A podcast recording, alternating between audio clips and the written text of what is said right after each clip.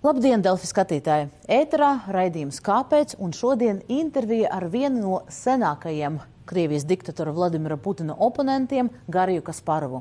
Viņš gadiem brīdināja pasaules līderus par to, kā Putina agresija reiz varētu izraisīt traģēdiju. Kasparovam neticēja, bet viņam izrādījusies taisnība.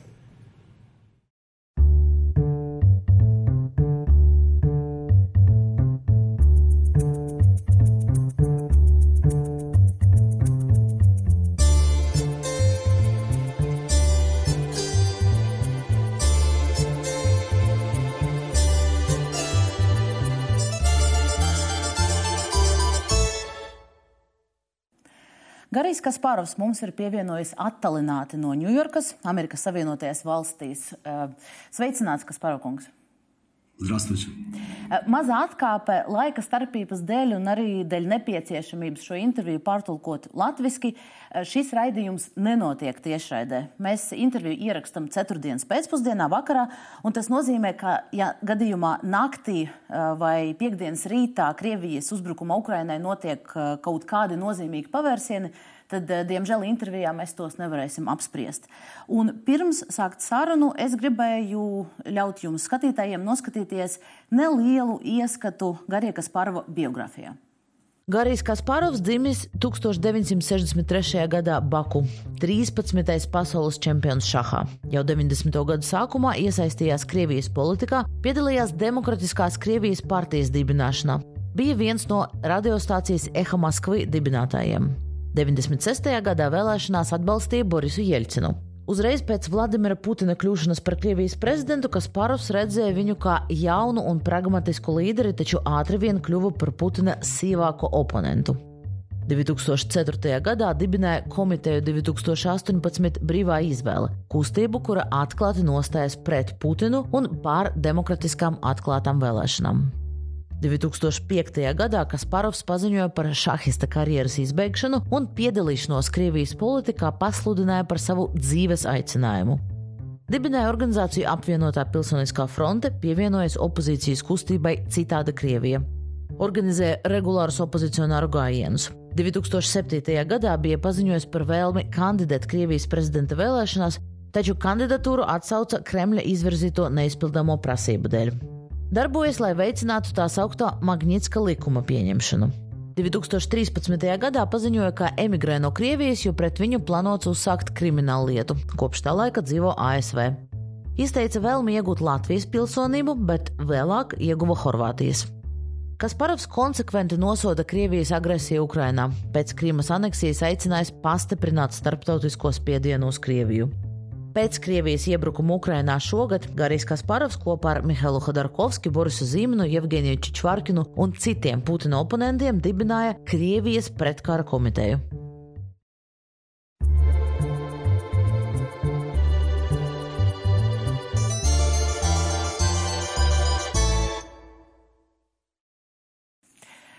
Господин Каспаров, Есть ли что-то сейчас в действиях Владимира Путина в последние дни, что лично вас удивило, несмотря на то, что вы э, в последние практически 20 лет предупреждали Запад о том, что Путина нужно остановить? Да нет, практически ничего нового мы не увидели. А просто как у любого диктатора идет э, такой прогрессирующий э, процесс полного отрыва от реальности – и, как мы знаем, это обычно приводит к трагедиям не только для страны, которой правит диктатор, но если у него есть военная сила, то и для других стран. А, я думаю, мы сейчас наблюдаем агонию путинского режима, но как агония там, огромного динозавра, эта агония будет страшной. И а, каждый день нашего промедления недостаточно энергичная реакция на то, что происходит сейчас в Украине, а, и то, что может вырваться за ее пределы, просто повышает цену, которую нам всем придется заплатить за многие годы игнорирования этой угрозы. А что касается действий Путина, то, мне кажется, они уже легко просчитываются. И вопрос уже не в нем. Мне кажется, надо просто забыть его, вывести за скобки. Вопрос в том, насколько готовы потакать его безумным приказам те, кто должны эти приказы выполнять. Это, мне кажется, вопрос самый главный. И именно в этом направлении должны быть сосредоточены все наши усилия. На генералов, на адмиралов, которые должны понять, что продолжение этой войны, продолжение выполнения, выполнения приказов Путина, особенно если речь коснется ядерного оружия, означает для них э, э, немедленный конец. Но что, на ваш взгляд, тогда Запад сейчас может сделать для того, чтобы э, ну, какое-то давление оказать на этих генералов? А, во-первых, все-таки Западу неплохо было бы все-таки как бы проанализировать то, что случилось до вторжения Путина в Украину. И надо понимать, что катастрофическая, трагическая ситуация сегодня – это во многом результат бездействия западных политиков, которые все время желали оттянуть самые трудные решения на потом.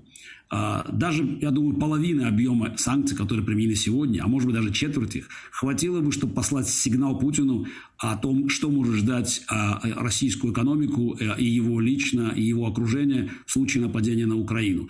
Но это надо было делать вообще лучше 8 лет назад после аннексии Крыма, ну уж по крайней мере 8 месяцев назад, вместо бессмысленных встреч а, и там, саммитов а, в Женеве, которые предложил ему Байден, всяких переговоров, поездок в Москву, нужны были жесткие меры, которые дали бы Путину понять, что ему надо останавливаться. Сейчас мы перешли уже к другой стадии, когда а, а вопрос не, то, не просто в санкциях, а в том, насколько этот фронт единый будет держаться. А, по существу мы как бы должны понимать, идет а, война, и эта война не только война а, России с Украиной, это война Путина со всем цивилизованным миром.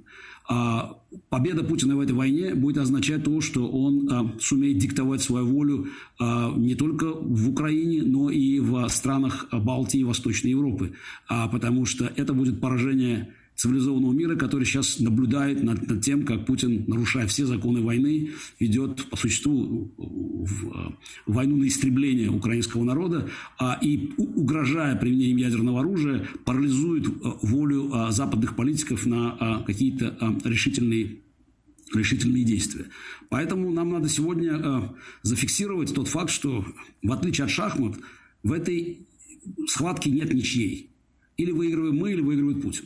И поэтому все разговоры о том, что санкционный режим и все меры, которые сейчас принимаются, достаточно жесткие, надо сказать, меры, они направлены не вообще на как бы, прекращение российской агрессии в Украине, а на смену режима в России. А эта война должна привести к краху путинского режима, если мы хотим жить в мире. Пока Путин в Кремле, мира никогда не будет. И это, я полагаю, в, в Латвии а, а, и в, в других странах Балтии понимают лучше, чем а, где-либо. А, поэтому надо ставить такую конкретную цель, и, на мой взгляд, она более чем достижима, если а, блокада будет полной, финансовой, экономической, технологической, очень важно. И, конечно, необходима тотальная дипломатическая изоляция России, хотя вот на этом фронте пока мы видим определенные проблемы, так как американцы продолжают вести переговоры о иранской сделке, и, и не чувствуется, что а, а Лавров это тоже очередной военный преступник, ответственный за преступление путинского режима, он а, пока находится в полной изоляции. Но если мы разберем э, вот этот вот сценарий краха путинского режима по пунктам, то один из пунктов это вы неоднократно об этом высказывались, это поражение военное э, в Украине. Это военное геополитическое поражение. Это всегда является первоочередным условием для краха диктатуры, такой как путинская.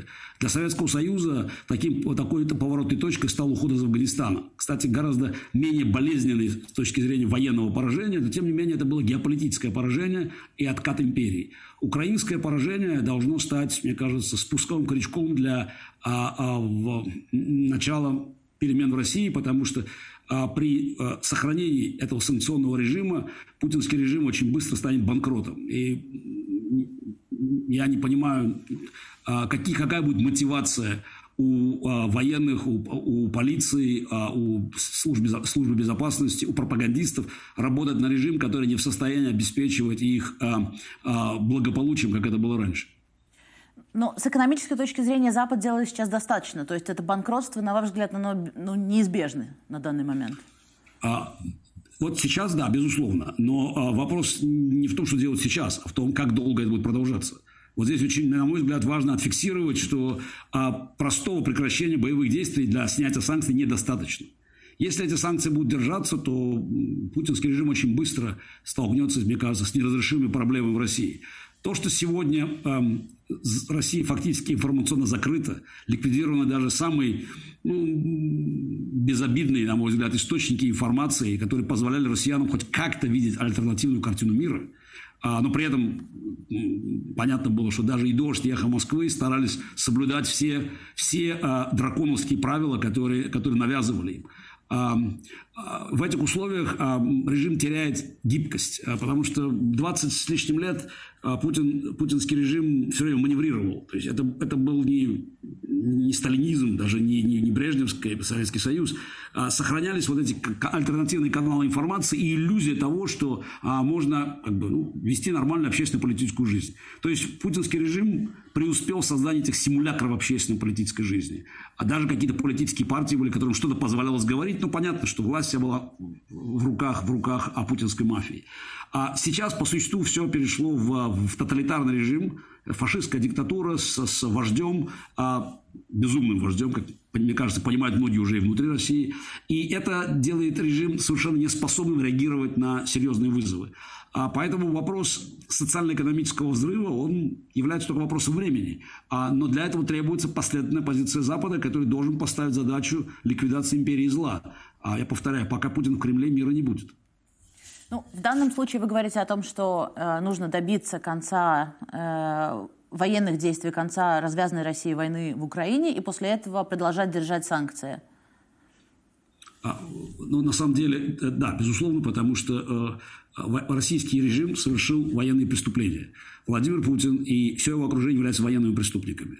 А, эта агрессивная война вполне квалифицируется а, решениями Нюрнбергского трибунала. Причем надо помнить, что это не первая агрессивная война, которую Путин развязал. Список преступлений путинского режима, он имеет более чем 20-летнюю историю. С начала Чеченской войны, второй, вот, не говоря уже о взрывах домов в Москве и других городах России. Ну и там список, у нас не хватит времени перечислять все это. Можно напомнить только, скажем, о, о агрессию против Грузии в 2008 году и о, о бомбардировки сирийских городов, в первую очередь Коврова, бомбардировки Алеппо. А, кроме того, окончание войны, на мой взгляд, это не вообще возвращение к статус-кво до 24 февраля.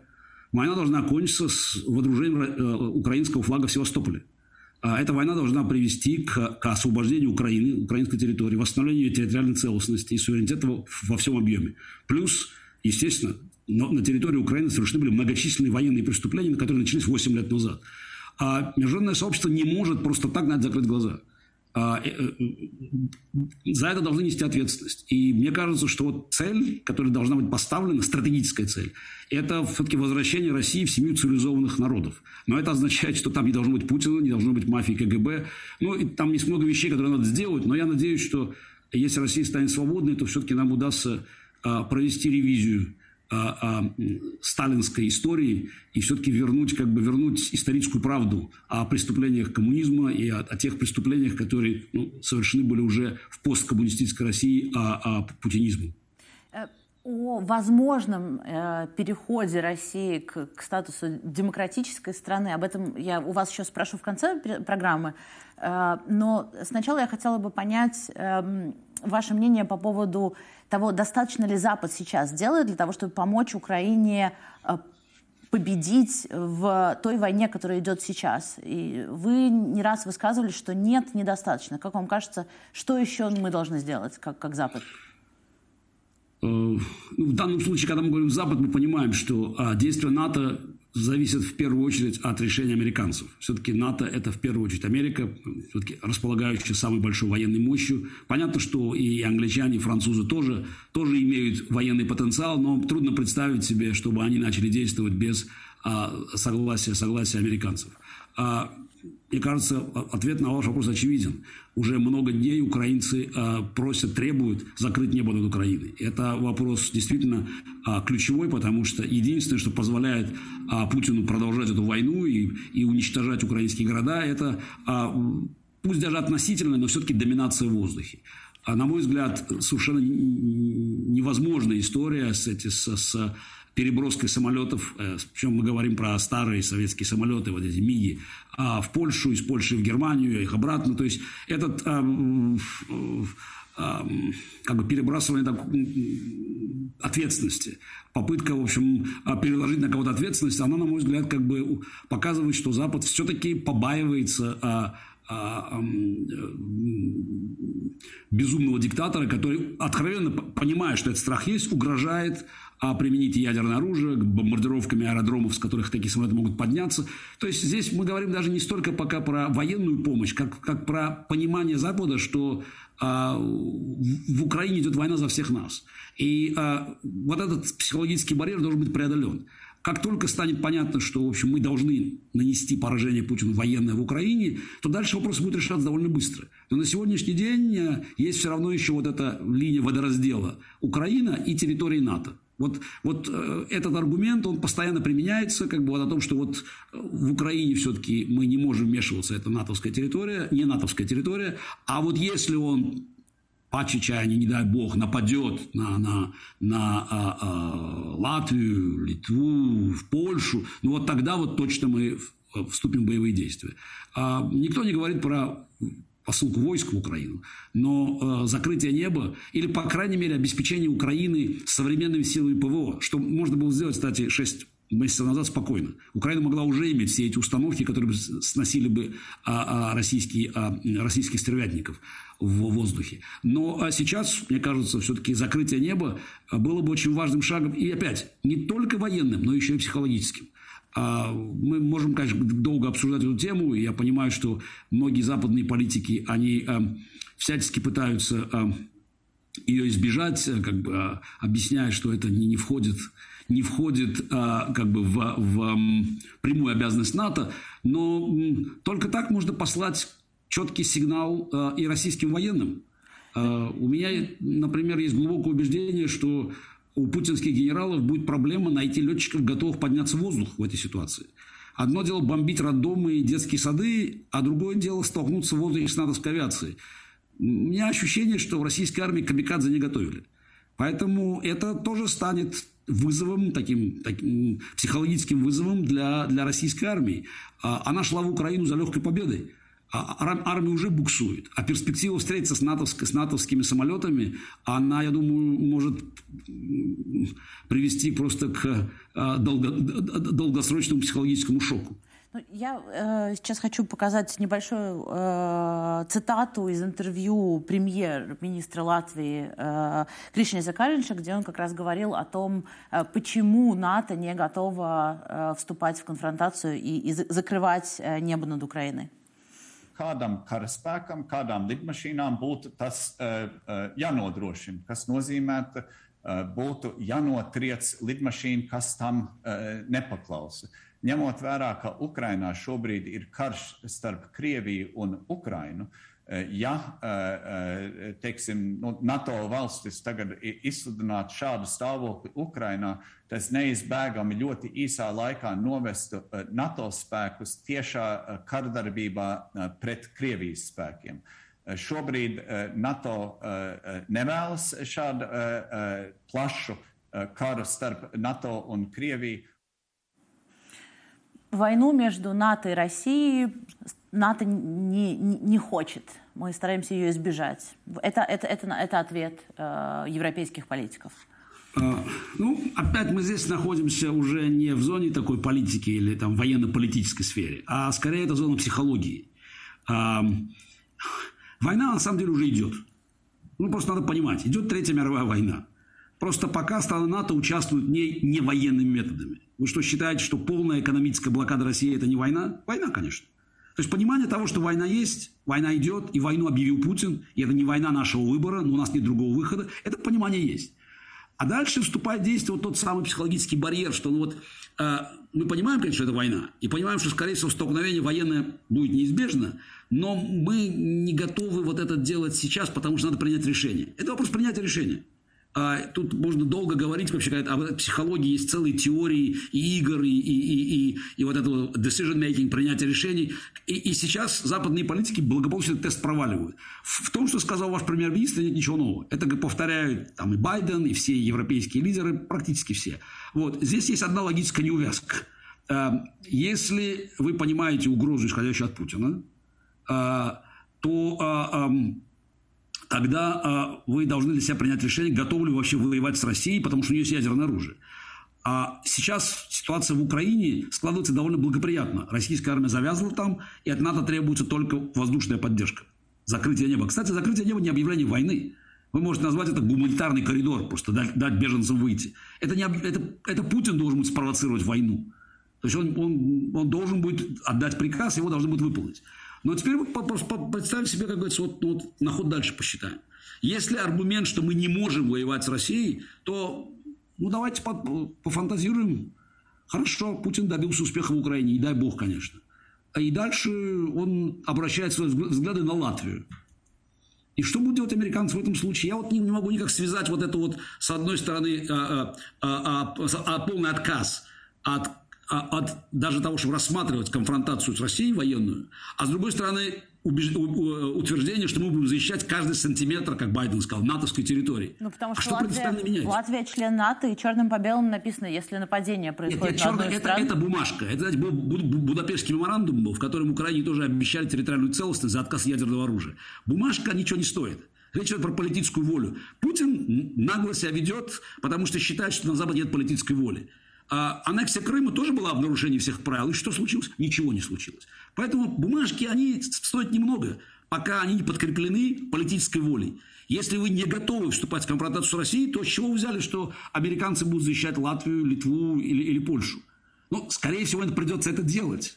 Скорее всего. Хотя я не исключаю, что найдутся голоса о том, что ну как, ну это все-таки конфронтация. При том, что не забывайте, Путин же не, не обязательно будет переходить границу он может начать оказывать э, э, политическое давление на, и на вашу страну, и на, на, на соседей. Так это примерно Сталин делал в 1939-1940 году. Вот. И я хочу посмотреть, как, как в этой ситуации будет реагировать а, а, а, а, Латвия и, и, и, и другие балтийские страны, когда будет стоять путинская армада, и не, отсутствие уверенности, что американцы готовы ее защищать. При том, что в этом случае защищать придется уже наземными войсками. Это, я повторяю, это психологический барьер признание того, что война с Россией, в путинской России уже идет. И эту войну навязал Путин. И цель этой войны не только Украина, не только расчленение Украины и, а, э, превращение в российского вассала. Цель – это а, развал НАТО и демонстрация того, что а, Америка сегодня является бумажным тигром, на которого нельзя никому рассчитывать. Это война Путина с, с а, европейской цивилизацией, а, и а, фактически это попытка пересмотреть итоги холодной войны. Поэтому в этой войне, я говорю, не может быть ничьей. И э, сейчас самый благоприятный момент поставить путинских, э, путинских генералов и адмиралов перед этой дилеммой. Готовы ли они э, э, брать на себя уже смертельный риск э, конфронтации с НАТО? Пусть они этот вопрос решают. Приказы Путина, мне кажется, никого не волнуют. Он все равно их даст, все приказы. Если мы боимся, что Путин нажмет ядерную кнопку, бояться не надо. Он, скорее всего, это может сделать. Вопрос не в нем, а в том, кто это будет выполнять. И чем жестче будет вести себя НАТО и, и западные страны, тем больше шанс, что те задрожат. Слабость еще никогда в истории диктатора не останавливал. Никогда путем уступок вы не добивались а, каких-то положительных результатов. А путинская э, Россия это, это, это война, бесконечная война. А, и даже если они будут проигрывать войну, они будут использовать все более и более а, жестокие методы подавления. Как мы видим сейчас а, происходит в Украине, когда, а, не сумев взять крупные украинские города, их начали просто разрушать. Вот. Это нам всем урок, что там не может быть компромисса с, с абсолютным злом.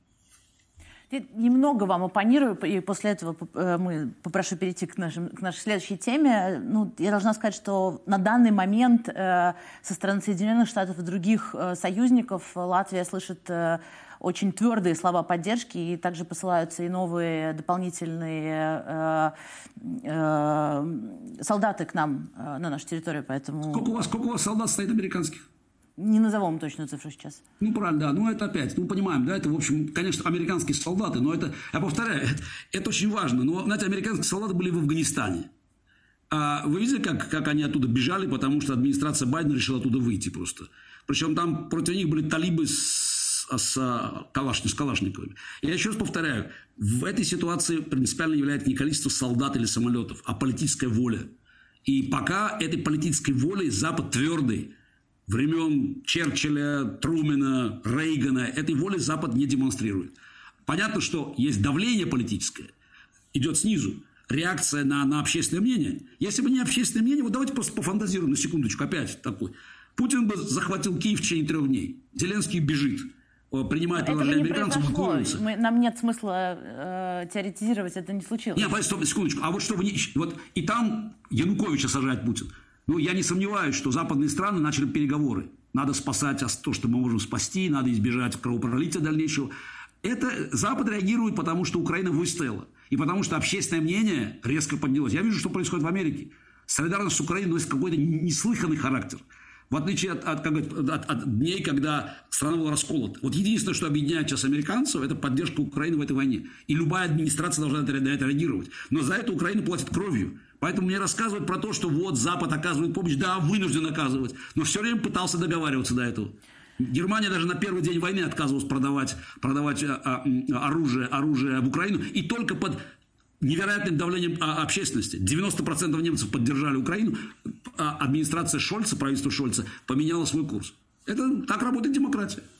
Окей, ну мы зафиксировали, зафиксировали вашу позицию. Я думаю, что мы в ближайшие, в ближайшие недели, дни мы будем а, наблюдать, как, как меняется или не меняется позиция США и стран Европы.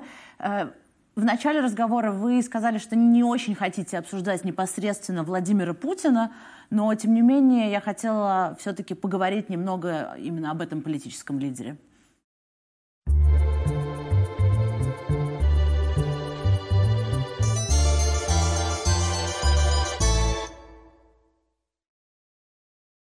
Вы за деятельностью Путина следили с самого начала и когда-то считали его перспективным молодым политиком. Э, есть какой-то конкретный момент, когда он показался вам ну, подозрительным? Какой-то красный флажок, а. когда вы поняли, что, что не... не, а, не... Когда, а когда я считал перспективным политиком, вы напомните, пожалуйста, мне. Ну, в самом начале есть, было одно ваше высказывание, что он перспективный а, ну, молодой политик, который может Россию как-то вести в ну, будущее. Знаете, надо искать, конечно, высказывания мои про Путина. Моя первая статья, с, а, с, а, рассказывающая об угрозе путинизма для мира, датирована 4 января 2001 года. 2001 года, Wall Street Journal. Так, на всякий случай. А в 2000 году я голосовал за, за Григория Явлинского. В общем, это не, не, не самый мой как бы, э, любимый политик в России. Я всегда был очень критично к нему относился, но считал невозможным для себя голосовать за, за э, подполковника КГБ. А, поэтому ну, мне довольно странно слышать, в общем-то, как говорится, а, замечание о том, что у меня, у меня есть в послужном списке а, желание поддержать Путина. Да, многие из нас ждали, конечно, перемен. После Ипаш Ельцинский режим явно ну, уже находился в очень, в очень, ну, видно, нестабильном состоянии. Вот. И, конечно, хотелось увидеть, увидеть что-то новое. Но, тем не менее, у меня, как у человека, родившегося, выросшего в СССР, в общем, всегда было довольно а, определенное отношение к Комитету государственной безопасности и его сотрудникам. А, в принципе, если говорить вообще о Путине, то а, а, мы, наверное, уже после окончания его правления, бесславного и позорного, а, скорее всего, узнаем всю правду, потому что у нас много вопросов вообще сейчас. Биография Путина – это такое довольно темное место, особенно учитывая детство и вообще его происхождение, родителей. Но это, об этом мы узнаем потом, как обычно это бывает. Вот. Но э, то, что касается его образования, ну, здесь как бы он сам в этой книге, по-моему, в 2000 году, вот, которую написали быстро тогда, а, а, а, состряпали перед президентскими выборами, когда он уже стал как бы преемником, а, исполняющим обязанности президента, а, он рассказал достаточно, достаточно откровенно. Это, по-моему, единственная такая была откровенная книга. Он там и про крысу, загнанную в угол, говорил. То есть там вот э, а, ментальность Путина проявилась. А его образование как бы, проходило на, в подворотнях Ленинграда. А как бы, э, жизненный опыт накапливался в школе КГБ. А формирование уже как там политика прошло в бандитском Петербурге. Вот, то есть вот э, что можно ждать вот от этого сплава?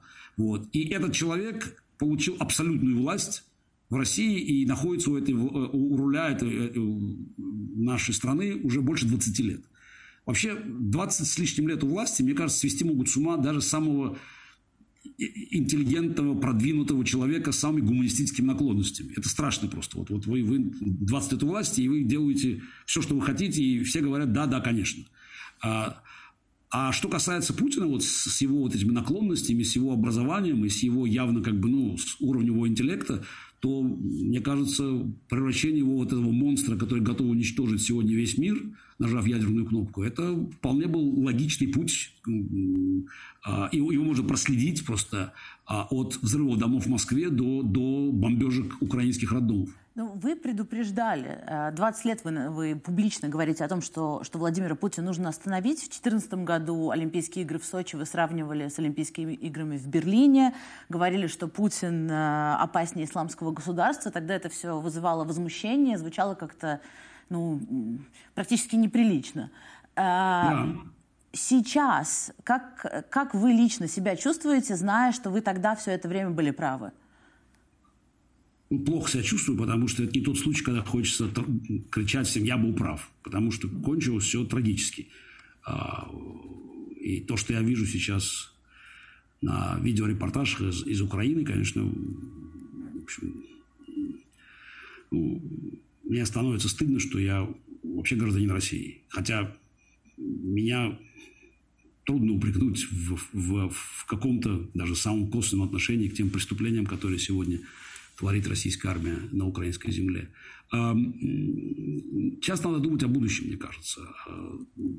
И надо понимать, что как бы появление Путина, его восхождение на вершину власти а, в России и его способность, а, надо дать должное, а, создать невероятно эффективную сеть лоббистов и агентов по всему миру, а, сеть, которая включала в себя и бывших премьер-министров, и бывших президентов, и бывших там, министров иностранных дел, и капитанов бизнеса, а, и знаменитых актеров, спортсменов. А, то есть Путин преуспел в создании вот этой сети влияния, которая, перед которой там, то, что имел Коминтерн там, 80-90 лет назад, просто меркнет. И это говорит о том, что в самом западном обществе есть червоточина – тот факт, что Запад э, э, закрывал глаза и считал допустимым, что, скажем, там, бывший канцлер Германии переходит на работу к Путину и начинает становиться его лоббистом. И этот список бесконечно длинный, его просто невозможно сейчас весь перечислить. А то, что а, многие политические партии а, в западном мире не стыдились, э, даже гордились брать деньги у, у, у Путина на свою политическую деятельность. То, что российская пропаганда функционировала беспрепятственно – по всему миру. А, Russia Today было самым высокооплачиваемым телевидением в мире, и, а, и только до сегодняшнего дня можно было найти практически в любом, в любом сателлитном пакете, который вам, который вам продавали. Это на самом деле серьезный урок на будущее. Ну, Почему такое могло произойти и как сделать так, чтобы этого не случилось больше? Ну, Запад, это, это мы уже обсудили, вы уже назвали те моменты, в которых, может быть, более строгие санкции могли бы предотвратить то, что сейчас происходит. Но если мы... Я говорю про будущее, про то, что надо понимать, что в самом, сам, сама западная демократия сегодня оказалась не готова к этому вызову. И надо понимать, что делать, чтобы этого не случилось потом. Если мы вернемся к, к российскому режиму и обратим взгляд на российскую политику, вы видите какие-то моменты, где российская оппозиция, российские демократические лидеры могли сделать что-то, чтобы того, что сейчас происходит, не происходило, но не сделали этого, упустили что-то? Безусловно, нельзя ну, винить только Запад в том, что происходит в России. Это совершенно очевидно.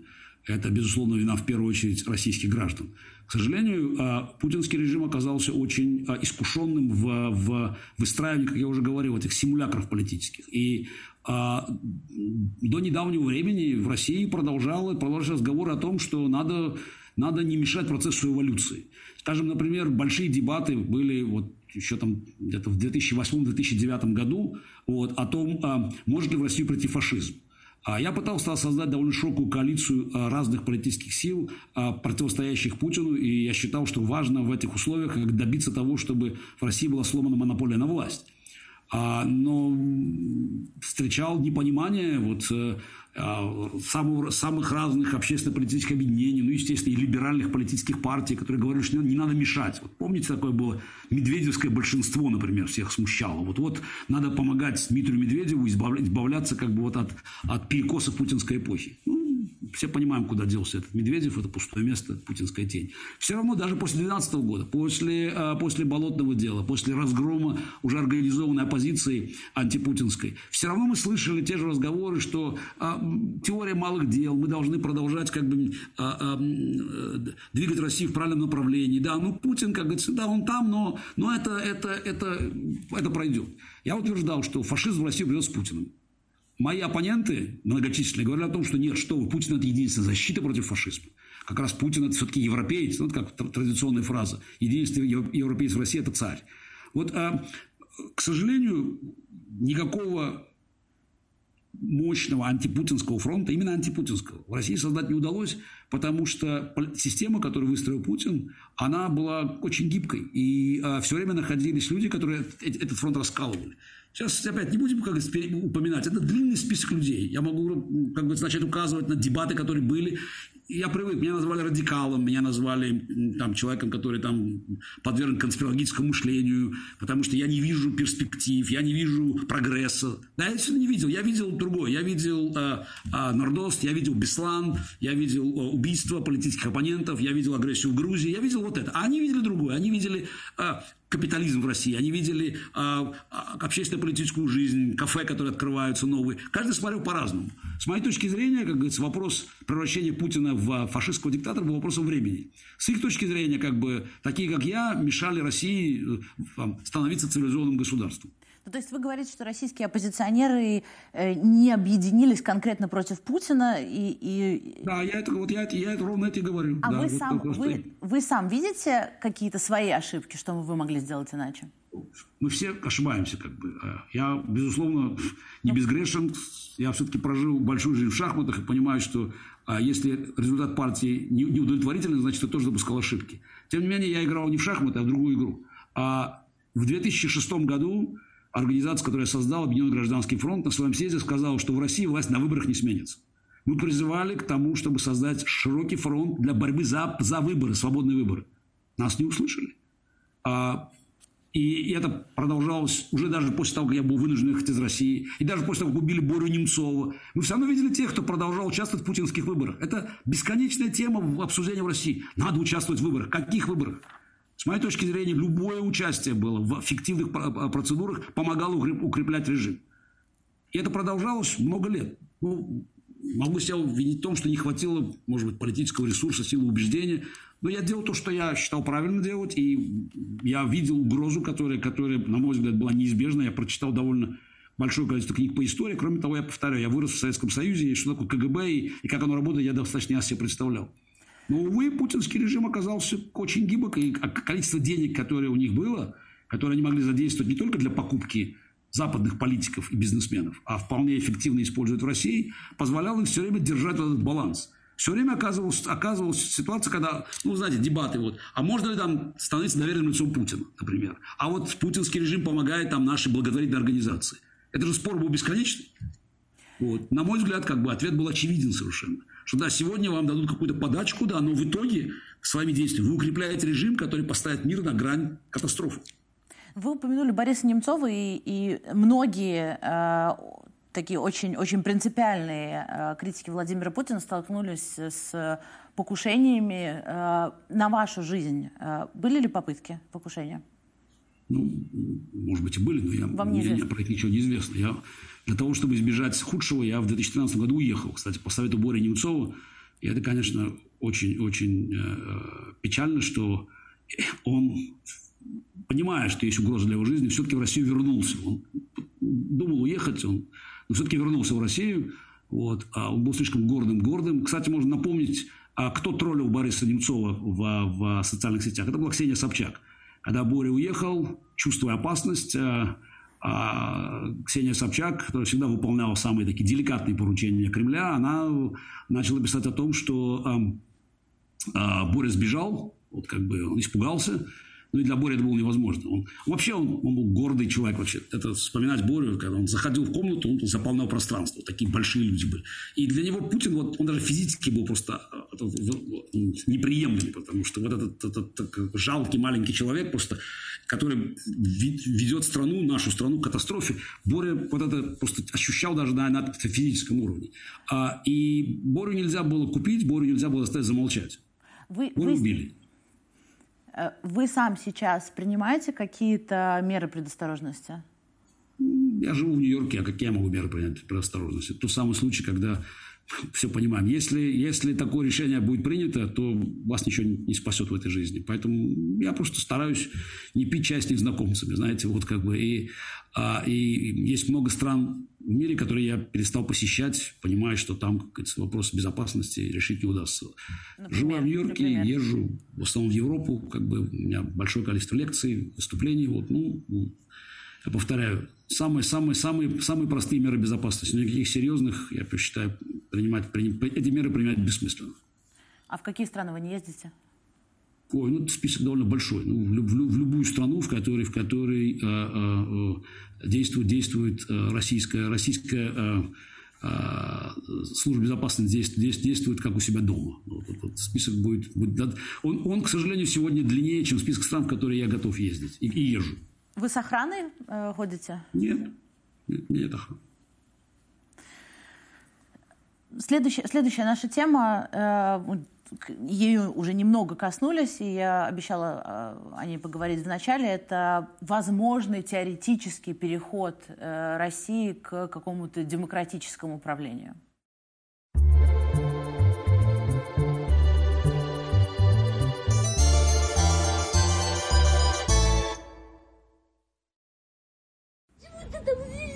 Потому что, потому что задача, чтобы много людей не собиралось, и чтобы они не говорили, что они против войны, понимаешь? Выйдем, конечно, не волнуйся, пожалуйста. Сейчас ты рядом.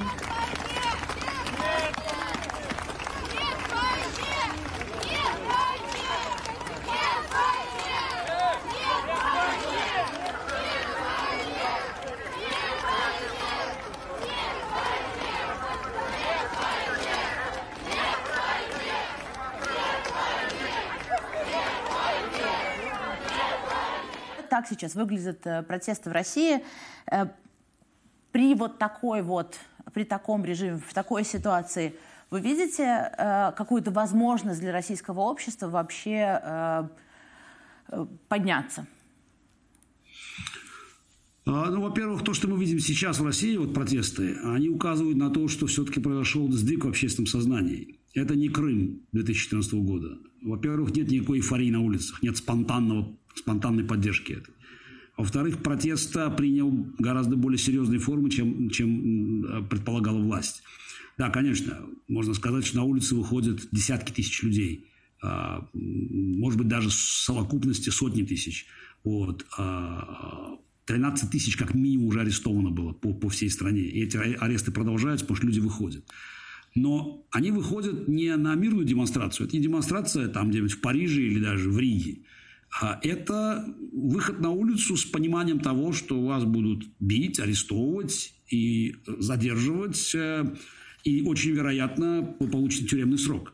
То есть люди выходят, потому что они видят для себя никакого другого выхода. Это, это так, тоже моральное решение. И тот факт, что таких людей много, даже, скажем, десятки тысяч, говорит о том, что им сочувствует гораздо большее число людей. Просто эти смелее эти чувствуют для себя моральную невозможность отсиживаться дома, когда, когда детей и там, женщин в Украине там, расстреливают с воздуха путинские стервятники. А что может подтолкнуть а, тех остальных, э, которые смотрящие? А, а мы знаем из СССР, холодильник побеждает телевизор. Возвращаемся к санкциям. А, когда станет по-настоящему плохо, я думаю, что никакая, никакой ОМОН Путин не спасет, ровно потому, что, во-первых, ОМОНу будет нечем платить, во-вторых, как мы знаем, сейчас этого ОМОНа сейчас будет ликвидировано в Украине. Вот. А, и я полагаю, что а, изменение вот этой ситуации, как социально-экономической, так и чисто такой математической на улицах, она может, вот это изменение, оно может очень, очень быстро отбить всякое желание у ОМОНовцев а, повести себя так, как они ведут сейчас. Это сейчас хорошо. Их много, людей еще не так много, люди не сопротивляются, их можно бить, их можно арестовывать, в общем, и, и, и тебе за это ничего не будет. Ну, кстати, будет, будут, будут платить премии. А если премию не платят, а на улицах уже не 10 тысяч а, ин, людей, ну, как бы, ин, ин, ин, интеллигентов, а, а 1 миллион разозленных а, рабочих, я полагаю, что ОМОН мы не сыщем там днем с огнем.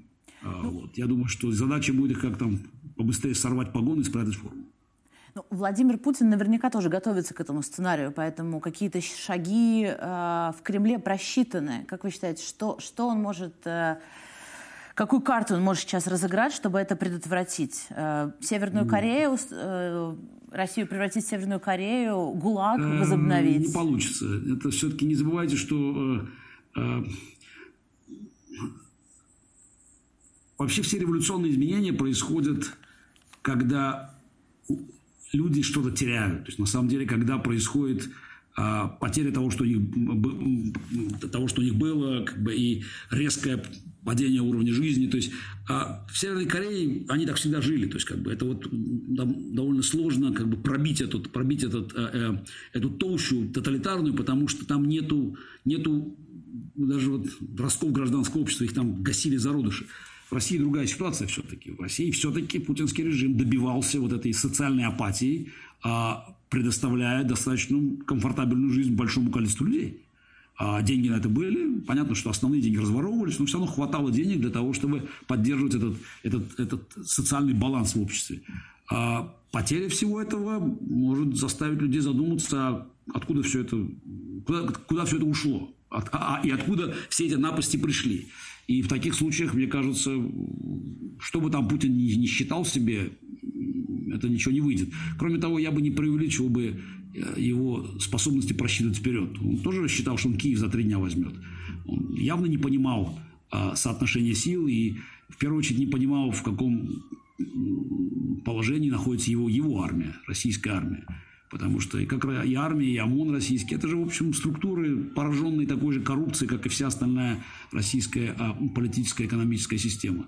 Поэтому я думаю, что в этих условиях э, рассчитывать на лояльность людей, которые сегодня поддерживают а, а, стабильность режима, не придется, если, если исчезнут материальные ресурсы для, того, для, для их поощрения.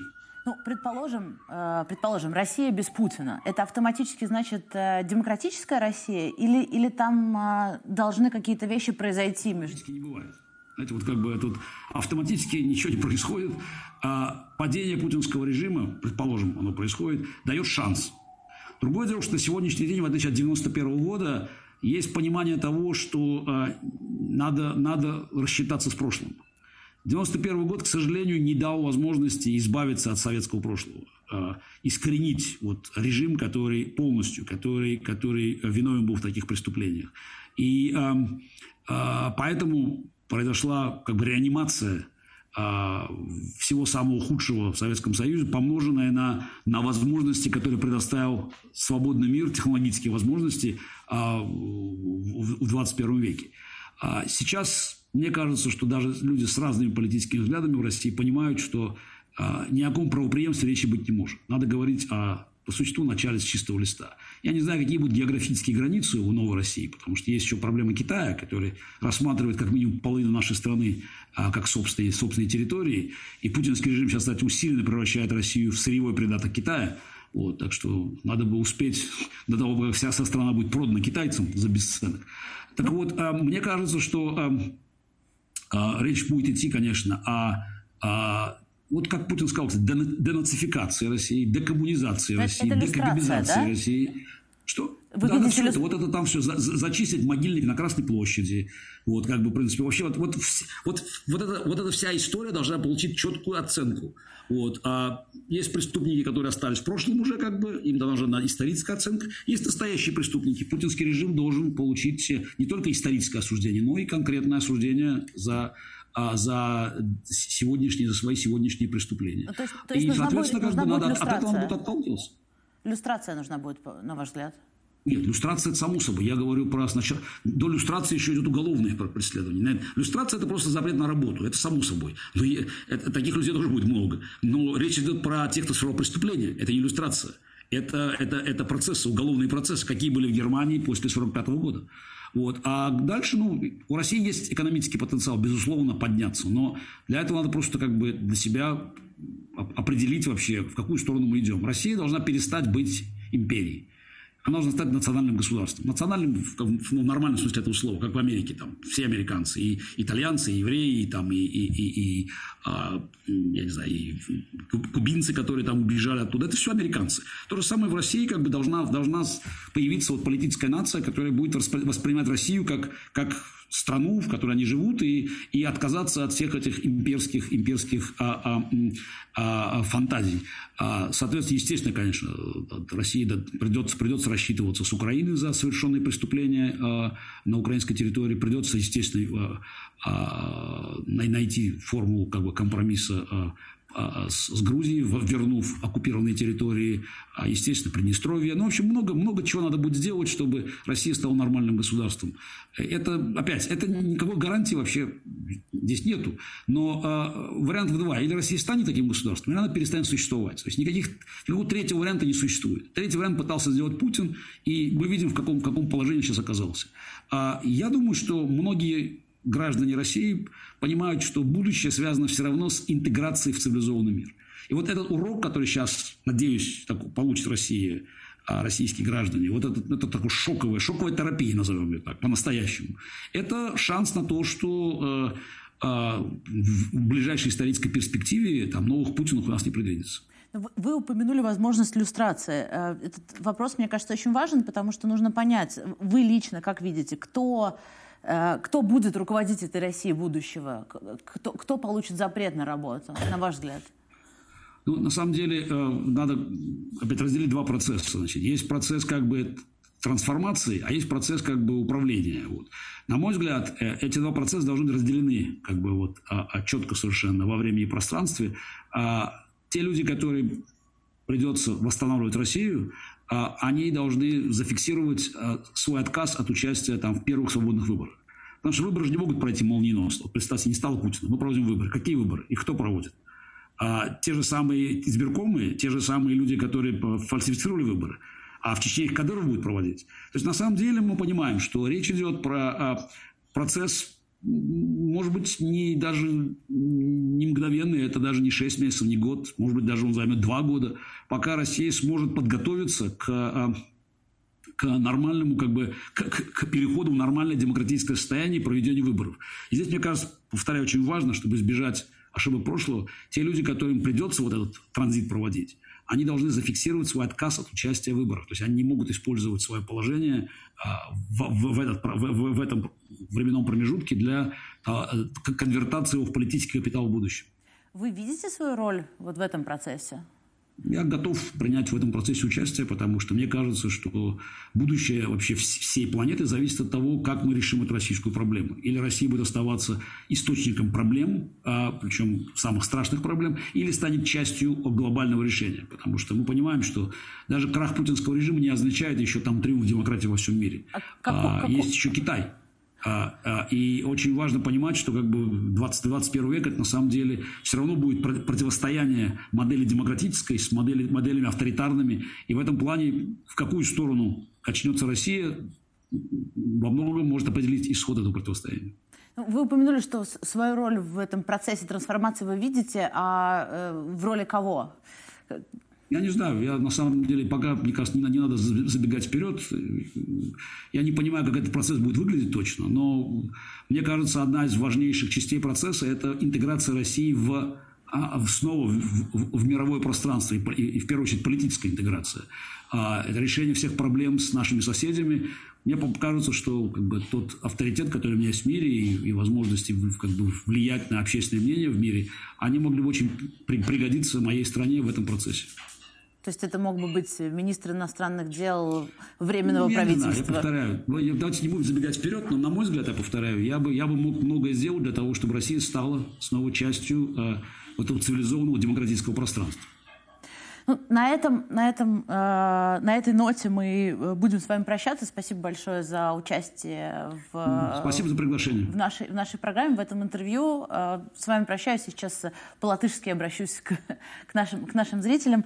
Э, Atvadījāmies no Garija Kasparova. Paldies viņam par piedalīšanos šajā raidījumā. Paldies arī skatītājiem, kā Eh, bijat, bijat ar mums. Atgādināšu, ka mūsu raidījumu var redzēt arī RTV ēterā 15.30 un arī audio versija ir pieejama uh, plat, dažādās platformās, kur jūs varat klausīties arī podkastu formā. Mūsu uh, Spotify un Apple tur viss ir pieejams. Uh, tiekamies pēc nedēļas. Paldies liels un vislabāk!